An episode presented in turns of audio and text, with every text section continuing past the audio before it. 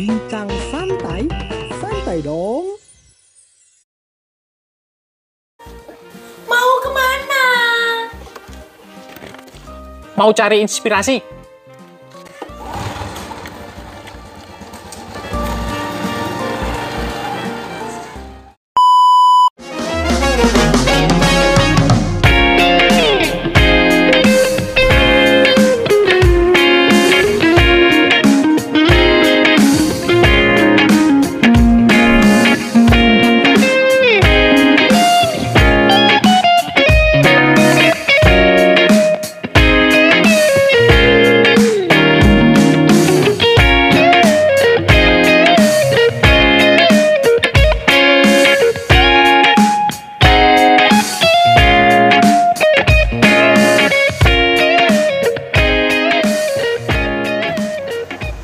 Sobat bahagia, kita ketemu lagi. Sekarang kita berada di komplek gedung paroki Santo Pius 10 Karanganyar.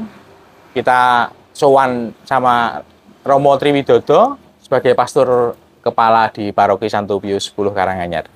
Kita mau konfirmasi Romo sebenarnya ini. Kok Romo merubuhkan bangunan bangunan yang di depan ini Yang sudah megah dan indah. yang sudah megah gitu ini gedung anu ya Romo? Eh, per ruang Veronica. Gedung Veronica ini aula ya? Aula Ya. besar kemudian aula ini rencananya juga mau dirubuhkan ya? Romo Ya. kok merubuhkan gedung gitu. Kemudian Iya, iya. rencananya juga atap ini juga mau diobrak-abrik sama Romo gitu. Ini maksudnya apa sih Romo gitu? Ini.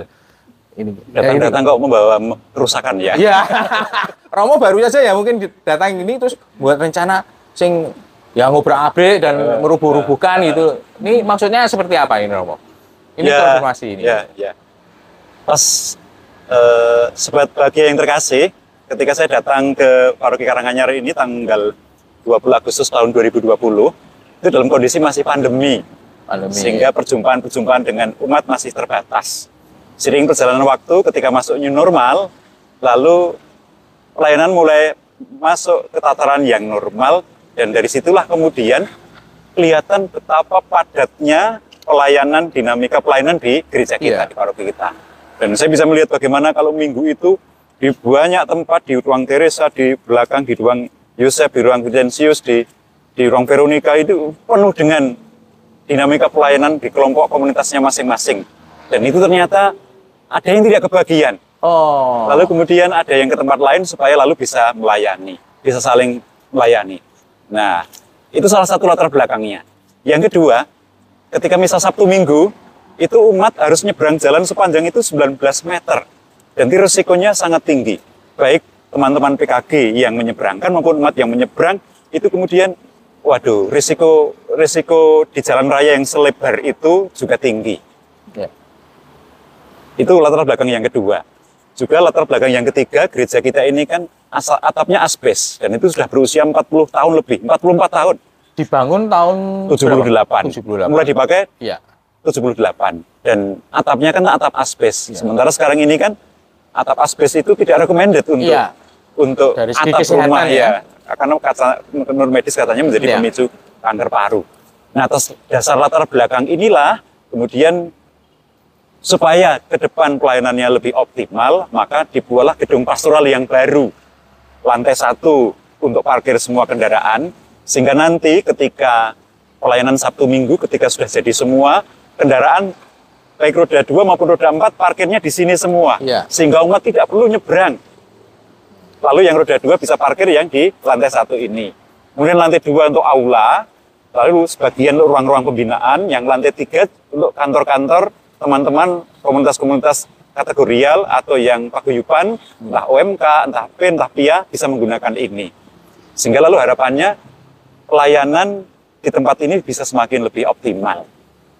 Nah, di gereja nanti ketika harapannya rezeki lancar sih, Iya. sehingga sekarang kalau ini sudah harapannya besar, kalau yang gereja kan masih menunggu tahap yang kedua, Tahap kedua ya. Eh, nanti gerejanya akan ditinggikan supaya tidak terlalu panas, lalu diganti atap yang genting, atap Iya. keramik, Oh. atap keramik supaya tidak terlalu panas dan aman untuk kesehatan.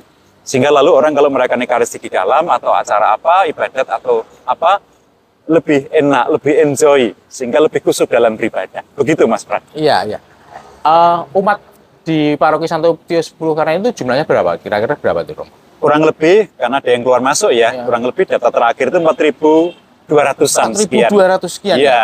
Dengan gedung yang luasannya nggak begitu luas ya, Romo? Nah, dengan komplek ya hanya sebatas ya, ini. sebatas ini ya, sebatas ini. Misalnya eh, Ekaristi Sabtu Minggu itu berapa kali? Sabtu Ekaristi kalau yang di gereja induk di sini Sabtu sekali, Minggu dua kali. Ya. Tapi kan sebagian juga ada yang di enam kapel di Enam kapel, mulai dari ya. Gebak Kramat, Mojogedang, Tawangmangu, eh, eh, Matese. Matese, lalu Tunggul- Karangpandan, Tunggul Tunggul Rejo. Rejo, nah Ya. itu juga dilayani. Tapi konsentrasi jumlah umat ya yang di, di paroki induk ini dan itu yang yang memang semuanya harus dilayani dan ini butuh kondisi, butuh sarana, butuh tempat supaya pelayanan lebih baik. Ya. Terus hubungannya dengan Ardas yang mewujudkan umat beriman yang cerdas, tangguh, misioner, kemudian dialogis. Ini korelasinya dengan pembangunan fisik Ya. Apa korelasinya apa? ya? Korelasinya apa ya? Mungkin kalau langsung banget marake pinter umat mungkin, mungkin tidak. ya. Iya, iya. Tapi dengan proses yang sederhana saja, Iya, misalnya dengan gedung pastoral ini ya, Iya. ketika proses pembangunan ini kan kita swakelola murni. Swakelola murni. Uh, artinya para pekerja, para tukang itu kan satu persatu kita wawancarai, kita tanyai bagaimana Hmm. kondisinya, KTP-nya dan seterusnya satu Iya. persatu. Sehingga bisa melibatkan banyak pekerja dan tukang untuk pembangunan ini. Rata-rata kan berhari rata-rata 35, 35, 35 ya? orang pekerja ya. Maka dari situ sudah melibatkan banyak masyarakat dan banyak yang tidak Katolik yang menjadi pekerja di sini. Hmm. Dan itu kan kita senang bahwa kehadiran gereja bisa menjadi berkat, Berkat untuk sesama. sesama. Di kondisi di mana pandemi yang belum begitu selesai, Iya. Dan kondisi inflasi global yang masih seperti ini, lalu bisa membuat semacam lapangan pekerjaan Baru, baru, ini ya. bagi kita ini luar biasa. Ini menjadi berkat gitu. Eh, lalu selanjutnya ketika ruangan-ruangan ini sudah terbentuk, kelompok-kelompok kategorial paguyuban kan bisa berdinamika, Iya. bisa sharing, Sharing. bisa saling belajar tentang sekolah iman, dalam medium sekolah iman, lalu renungan-renungan, entah lewat pelajaran kitab suci ataupun yang lain itu lalu dengan kondisi yang lebih mendukung membuat lalu umat bisa saling belajar dan saling mencerdaskan. Tapi itu juga belum cukup. Sepulang dari tempat ini, ya mesti bisa keluar di tengah Ya. gereja, di tengah keluarga maupun masyarakat, bagaimana lalu itu menjadi berkat untuk sesama, untuk saling memberdayakan, untuk kemudian bagaimana kehidupan ini harus ditanggung dan dibangun bareng-bareng. Iya. Begitu Mas Pran. Iya, jadi pembangunan ini swaklola ya. Jadi tidak Ya. diserahkan ke kontraktor Tidak. ketiga. Mm, ya, tidak. Mm. Ini ini sangat sangat unik ya sebenarnya. Ya. mm-mm. Mungkin di di pembangunan-pembangunan gereja yang lainnya secara praktis lebih enak kan diserahkan ke kontraktor ya. Ya, ya. Karena Mm. praktek tapi dari dari ini korelasinya tadi ya dengan Mm. Ardas tadi juga Betul. korela- ya korelasinya seperti itu ya, Romo. Betul, untuk memberdayakan, ngewongke, menyapa, membuat Iya. persaudaraan yang semakin guyup, lalu dengan begitu saling berinteraksi, Interaksi, saling belajar. ya. Itu kan bagian dari proses pencerdasan. Ya. Ah, ya. ya, kurang lebih seperti kurang itu. lebih seperti itu Romo. Ah, ah, Pembangunan dan renovasi komplek gereja ini membutuhkan dana yang begitu besar. Ini Romo dan umat ini dalam pikirannya wah mungkin mungkin sobat sobat bahagia berpikir wah Romo sugih duit dan umatnya juga sugih duit gitu.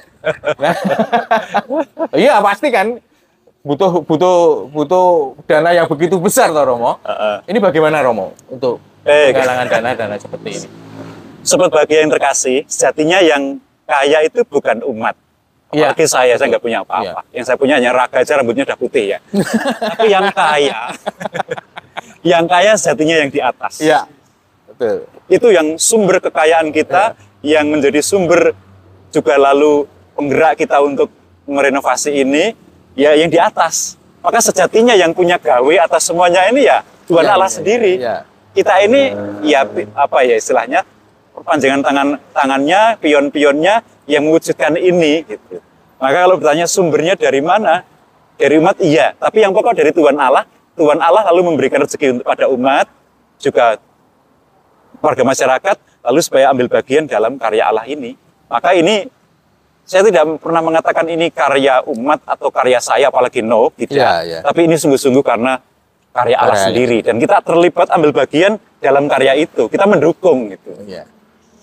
Nah, untuk selanjutnya Romo, setelah ini berapa tahun nah, Romo pembangunan ini? Harapannya- Harapannya Hmm. berapa tahun? Ini yang gedung eh, pastoral Plas- ini pastoral satu tahun Satu nanti tahun. November selesai. Lalu tahap berikutnya, tahap yang kedua adalah pembang renovasi gereja Renovasi ini. gereja. Tapi harus menunggu dulu, menunggu dana dulu. Tunggu Jadi, daerah dulu ya. menunggu berharap pada Tuhan Allah supaya menggerakkan umatnya dan Nah. siapa pun untuk masuk pada tahap yang kedua untuk pembangunan renovasi gereja ini. Dan itu butuh waktu, eh, butuh dana 60% untuk tahap yang kedua. Oh 60 persen justru Eh, yang 60 kedua. persen sudah terkumpul, baru, Baru, bisa iya. menjalani ini. Tapi sebelum itu ya harus mencari dulu, harus berusaha dulu, banyak berdoa, banyak menjalin relasi, harus krido lumai ngasto, minta ke sana kemari gitu. Nah kalau sudah terkumpul Iya. 60% dari total dana untuk yang tahap yang kedua untuk pembangunan gereja, baru kita mulai tahap yang kedua. Iya. Jadi rentang waktunya ini setahun, nanti setahun break, lalu mungkin tahun yang 2024 pertengahan lah, gitu, lalu atau awal gitu, Iya. bisa bisa sudah mulai untuk pembangunan ini. Nah setelah selesai nih Romo, Mm-mm. selesai harapannya khususnya untuk umat Paroki Santo Pius 10 Karanganyar ini apa Romo? Harapan besarnya gitu. Eh, bahasa yang sederhana Iya. supaya pelayanan di tempat ini, di tengah paroki ini bisa lebih optimal. Iya. Bisa melibatkan eh, eh, banyak umat yang yang semula tidak terlibat, namun kemudian bisa terlibat dalam dalam pelayanan itu.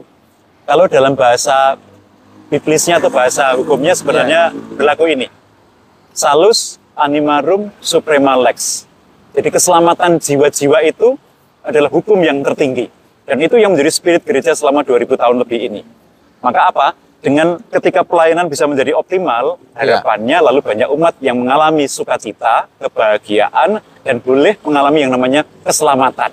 Iya. Maka salus animarum suprema lex. Keselamatan jiwa-jiwa adalah hukum tertinggi. Dan itu yang menjadi spirit sekaligus yang menjadi goal dari seluruh pelayanan kita di paroki ini. Ya, terima kasih. Nah, ini ini sudah terkonfirmasi ya Romo. Ya. Kenapa Romo merubuhkan gedung ini, kemudian mau ya ternyata tidak ngobrak-abrik ya Romo. Ternyata tidak merubuhkan. Ya tapi ngobrol-abrik, makanya itu ya. Oh. ya, ya. Ternyata itu ya konfirmasinya sudah. Nah, Hmm. sekarang sobat bahagia, mungkin Romo mau menyampaikan hal yang lebih dari ini, monggo silakan Romo. Oke.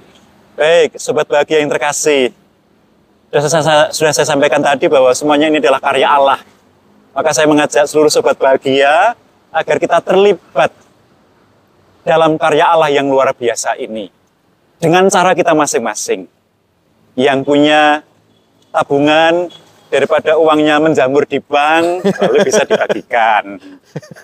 Eh, Tidak hanya bentuknya Iya, materi, tetapi mungkin yang suka berdoa, tapi maka maka doakan terus proses ini agar bisa berjalan dengan lancar. Yang punya semangat lalu menyemangati panitia yang Ya. terlibat seluruh umat agar terlibat dalam proses ini.